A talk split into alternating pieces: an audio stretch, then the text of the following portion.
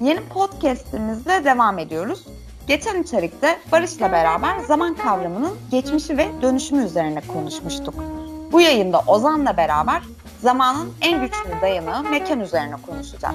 Ee, zira zamana mekan sayesinde bir çeşit ben örülüyor ve e, zamanın kontrolünde mekan dayanak olmayı sağlıyor böylelikle. Ancak bunun nasıl sağlandığına ilişkin cid, e, detayı çok ciddi bir Ankormen edasıyla Ozan'a soruyorum. Evet Ozan sendeyiz. Merhaba Kübra. Merhaba ee, Barış. Ay Ozan Barış. Karışıyor böyle. Evet Ozan seni dinliyoruz. E, dayanaktan bahsettin e, soruya girişte, konuya girişte daha doğrusu.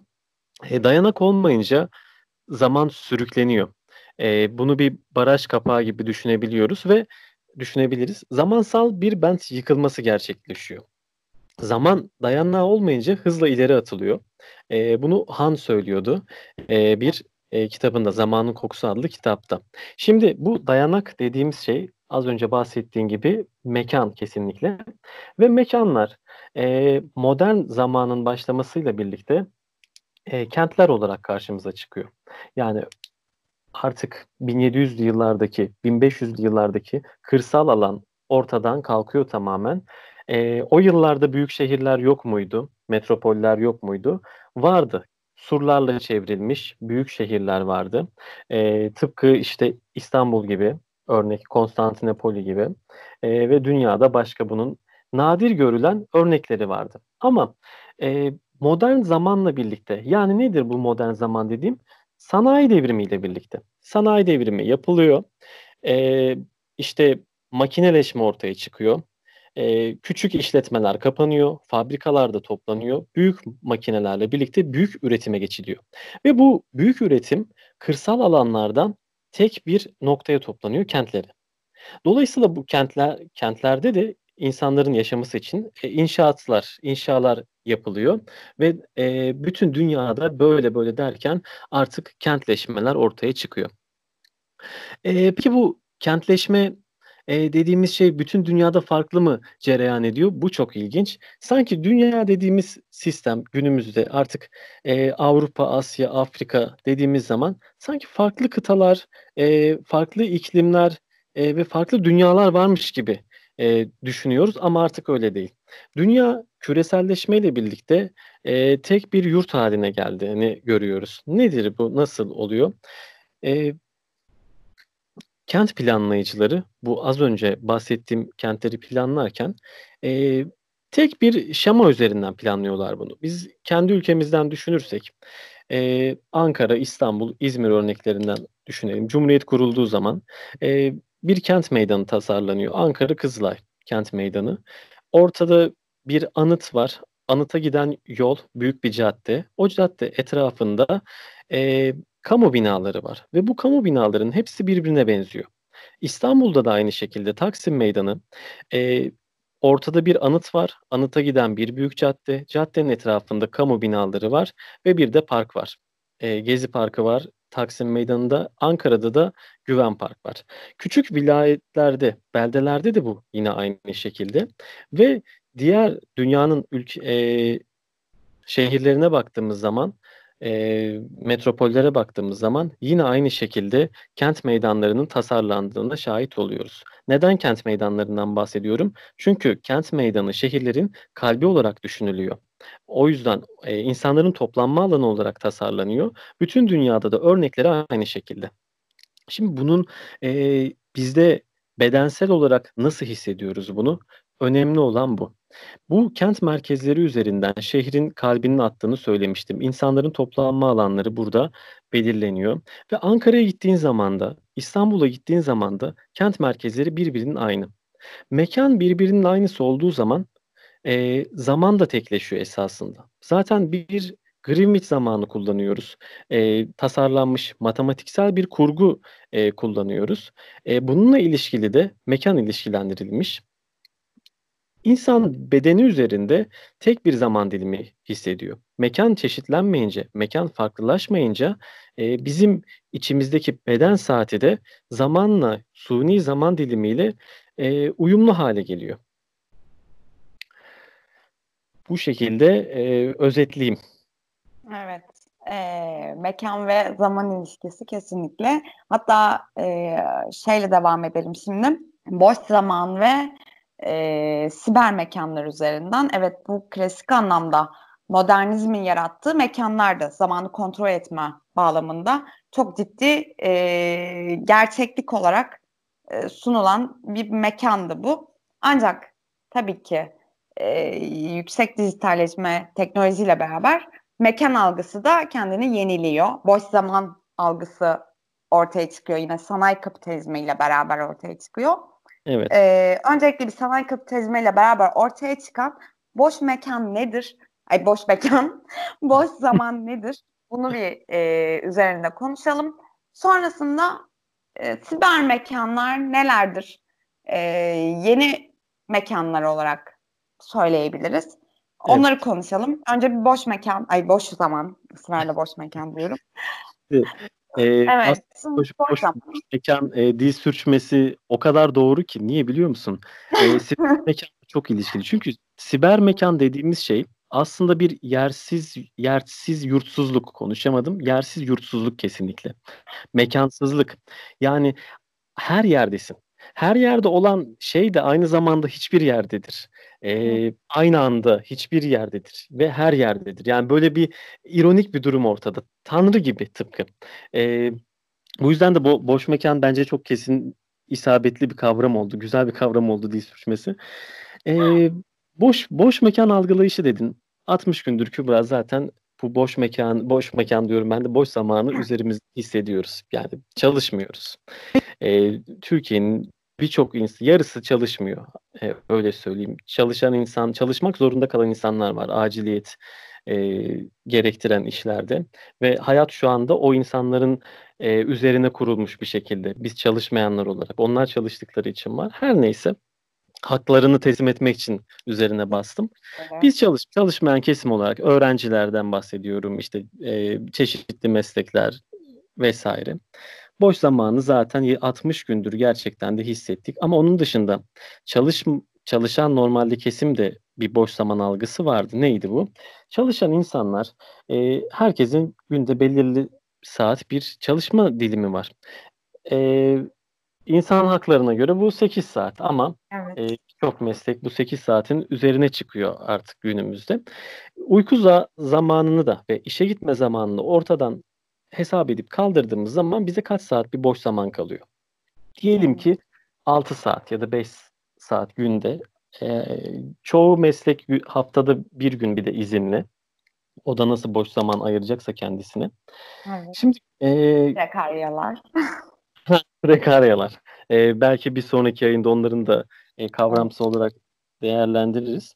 Şimdi boş zaman dediğimiz zaman gerçekten e, bize mi bırakıldı bu zaman dilimi? Tamamen özgür müyüz acaba bu zaman diliminde? Bence kesinlikle hayır. Bunu zaten hep his, hissediyordum. E, hissedersin ama ifade edemezsin okumadıkça, araştırmadıkça, üstüne düşünmedikçe bir bunalım geçirirsin. Hissedersin, bunalım geçirirsin. Bu bunalımı ben çok kez yaşadım. E, ama okudukça da bunun şekillendirildiğini fark ettim. Nasıl mı? İşte boş zaman dediğimiz zaman e, çok zaman kelimesini kullanıyorum. E, üstüme stres yarattı. Şimdi e, boş zaman geçirme algılayışı olarak elimizde bir internet var. Herkes de var artık bu ve internete giren araçlar. Siber mekanla doğrudan ilişkili birazdan bağlarız onu. Televizyon eskinin icadı olarak yani 1930 40'lardan sonra falan yaygınlaşıyor. Ülkemizde de artık 70-80'lerden sonra her evde var. Radyolar keza öyle. Ee, evin içerisinde bunlarla medya araçlarıyla insanlar boş zamanlarını gideriyorlar. Dışarı çıktıkları zaman ilk konuda bahsetmiştim ya hani kent merkezleri demiştim. Kent merkezlerinde nerelere gidecekleri belirlenmiş. Kafe alışkanlıkları, kafelerde oturma, kıraathaneler zaten önceden beri bu kültürde olan bir şey ama yaygınlaşmış bir şekilde. Nerede olduğu belli bunların. İnsanların karşılaşma alanları ortada.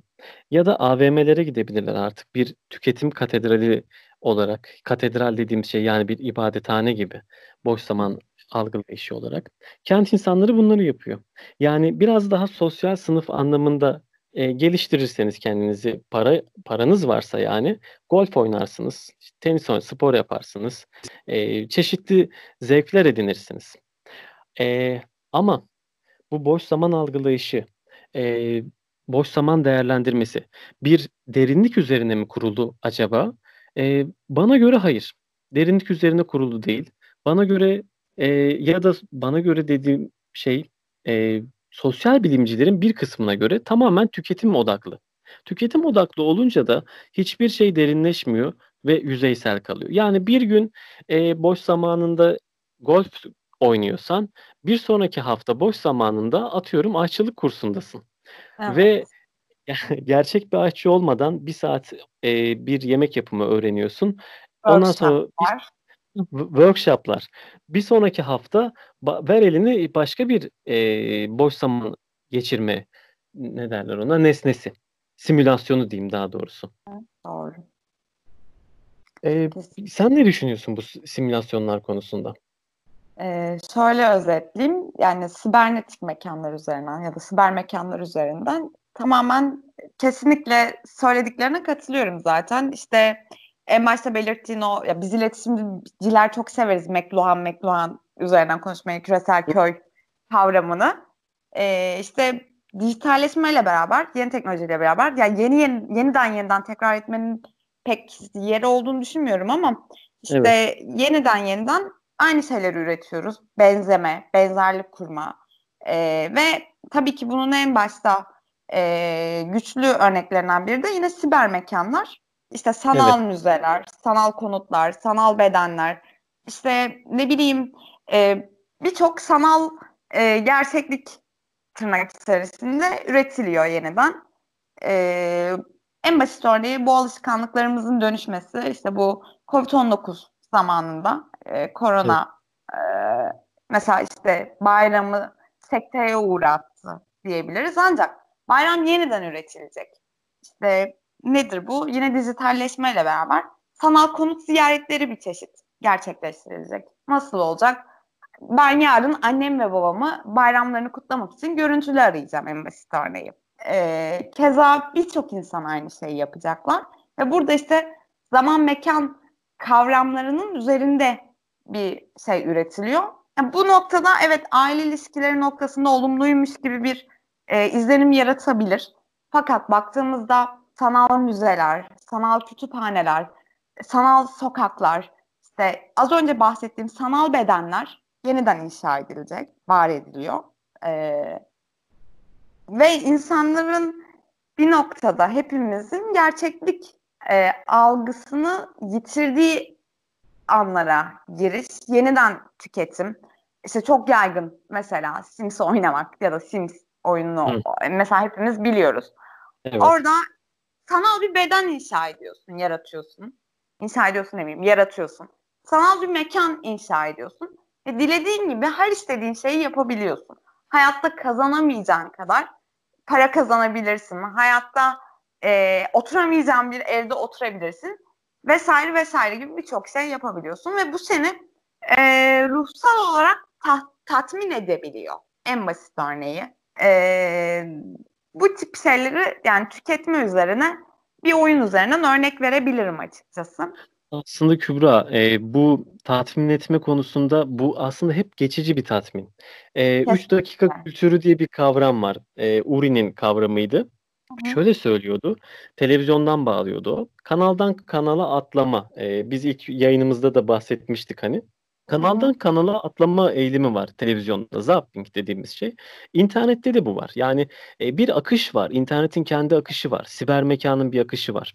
E, yani bir anda işte Instagram'dan e, bir kişinin enstrüman çalmasını dinlerken ya da e, başka farklı mekanda plajda bir insanın fotoğrafını görürken bir sonraki akışta hemen ardında atıyorum New York'taki bir yangını, bir felaketi görüyorsun.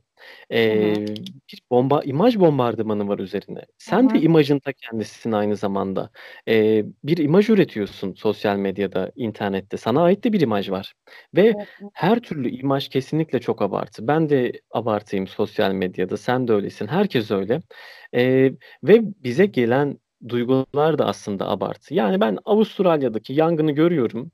3 dakika boyunca onu düşünüyorum. Sonra plajdaki bir görüntü karşıma geliyor. Nedir bu? Derinleşemiyorum. Olaylar arasında bağ kuramıyorum. Bağlantı kuramıyorum. Yani, eee, Avustralya'da orma olan orman yangınlarıyla, işte, eee, bizim Burdur'daki Salda Gölü'nün tesisleşmesi arasında bir bağlantı kurabiliyor mu bunu dinleyenler acaba? Hayır. Bu bunlar, işte, bunlar arasında bir bağlantı var hâlbuki öyle değil mi?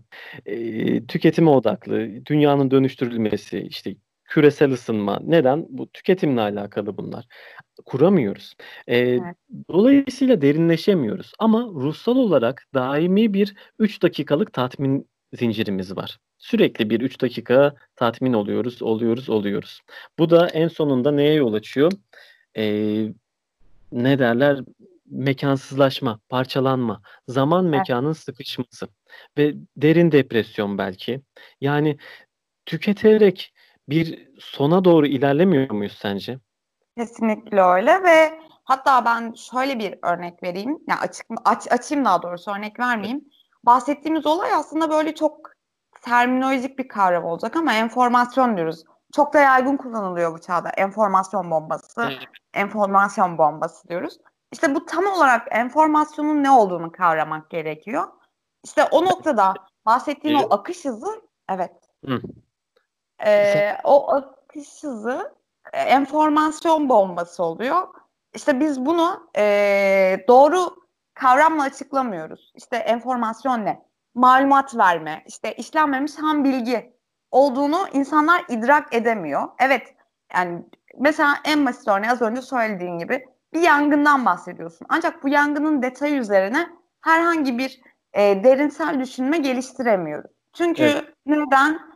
Eee, akış hızı çok yüksek. Sürekli bir malumat önümüze düşüyor ve o ham malumatı yani bilgiyi işleyebilecek, eee, bütünlüklü bir zihne sahip olamıyoruz. Eee, bu aslında çok yeni bir olay da değil. Geçmişte işte gazetelerde hâlâ gazete okuma alışkanlığı sürdürenler bilir ya da hani, eee, hepimiz biliriz. İnternette de keza aynı şey vardır dijital habercilikte. İşte ayırırız, parçalarız. Bunlar nedir? İşte siyaset haberi ayrı bir işte şeydedir, sayfadadır. İşte ne bileyim, eee, siyaseti de ayırırız hatta. İç siyaset, dış siyaset. İşte ekonomi haberi ayrı bir bölümdedir. Kültür işte haberciliği üzerine, eee, Evet. ayrı bir bölümdedir. 3. sayfa haberleri ayrı bir bölümdedir. Hâlbuki bunların topyekün birbiriyle bir ciddi bir ilişkisi var ama bu dediğin gibi hani yine bir silsile hâlinde bugüne tezahürü dijitalleşmeyle yeni bir araçla yeniden üreterek var ediyoruz aslında. Yani birden çok şey bilmenin ve o malumatı daha fazla sahip olmanın bir anlamı yok esasen. Eee, onu işleyebilmek önemli. Eee, ve bu noktada, eee, bakalım başarabilirler mi? Başarabilir miyiz? Göreceğiz. Böyle diyeyim. modern insan bir hız insanı. Yani eski mitolojik, eee, hikâyelere baktığımız zaman, eee, hepsinin bir hikâyesi var zamanla alakalı. Her dinin zamanla alakalı bir, eee, kavramı var. Modern insan artık teolojiden de kurtulmuş. Eee, seküler as aslında. Her en dindar toplum bile seküler artık ya. Seküler olmak zorunda. Nesneler insanlarıyız çünkü. Eee, şöyle bir durum var ve seküler insanın da teolojisi aslında hızla bağ ilişkili. E, hızı kurtuluşu bir, eee, hızı bir kurtuluş olarak görüyor. Konuşamadım. Eee, dolayısıyla enformasyon bombası, arka arkaya gelen bu kendini geliştirme, eee, derinleşemeden bir yetişme gayreti, kısacık ömrüne her şeyi sıkıştırma, işte 6 dil bilmek, bir yandan yüzme kursları, eee, diplomalar, sertifikalar, dünyanın her yerini görme isteği. Yani, eee, bir yandan işte diyorsun ki ben dünyanın her yerini gezeyim. Bir yandan diyorsun ki bir sürü dil öğreneyim.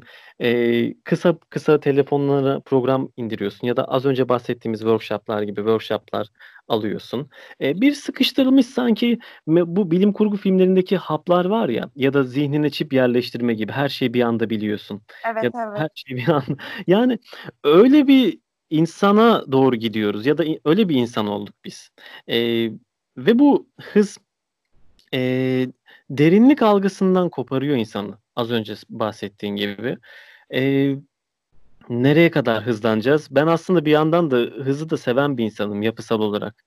E, ama bunun e, tüketilen bir şey olduğunu da görüyorum.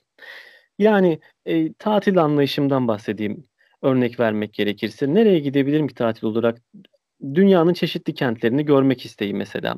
Oralarda yaşamadıkça aslında içselleştiremiyorsun. Turist olarak gidip bir hafta en güzel yerlerini, sana sunulan, hazırlanmış yerlerini görüp geliyorsun. Ya da e, ülke içindeki bu turizm anlayışı, e, Barış da olsaydı şimdi o da konuşurdu. Çok bu konu üzerine eğilmişti çünkü yavaş şehirlerden bahsetmek istedim. İşte Seferihisar gibi, işte bu Bursa'daki Gerze gibi. Ha, Ankara Beypazarı. Ee, yani eski sanki yapısı korunan yerler var ya hani oralara gidiyoruz Hı. turist olarak ama dondurulmuş yerler buralar. Canlılığı kalmamış artık. O insanlar yaşam tarzlarını devam ettirmiyorlar. Turizm turizm olarak pazarlıyorlar sana. Ve yine Evet. zaman bizim bu ilk başta bahsettiğim kentsel zamandan kaçma isteğimiz aslında bunlar. Bu internet alışkanlığı, siber mekanda öyle. Yurtsuzluk, yurtsuz olmak isteyip bu e, genel zaman anlayışından kaçma isteği bunlar. Ama yine sistemin sana e, düzenlediği, önüne sunduğu e, zaman anlayışına doğru gidiyorsun. Hı hı. Kesinlikle öyle. Ee, çok teşekkür ediyorum. Yine harika bir yayın geçirdik. Çok keyif aldım açıkçası. Emin misin? Ee, ben aldım da başkaları alacak mı acaba? Deneyeceğiz bakalım. Attıktan sonra göreceğiz tepkilerden. Altta yorum bırakmayı unutmayın falan diye. ben de çok keyif aldım konuşmaktan. Çok teşekkür ederim. Evet. Yeniden Sonraki, zaman üzerine. evet kesinlikle öyle oldu. Bir sonraki yayında artık belirlediğimiz konu üzerinden konuşuruz. İstek varsa valla alta cidden bir yorum falan bırakılırsa çok seviniriz. Teşekkür ediyoruz herkese. Ee, görüşmek üzere. Hoşçakalın.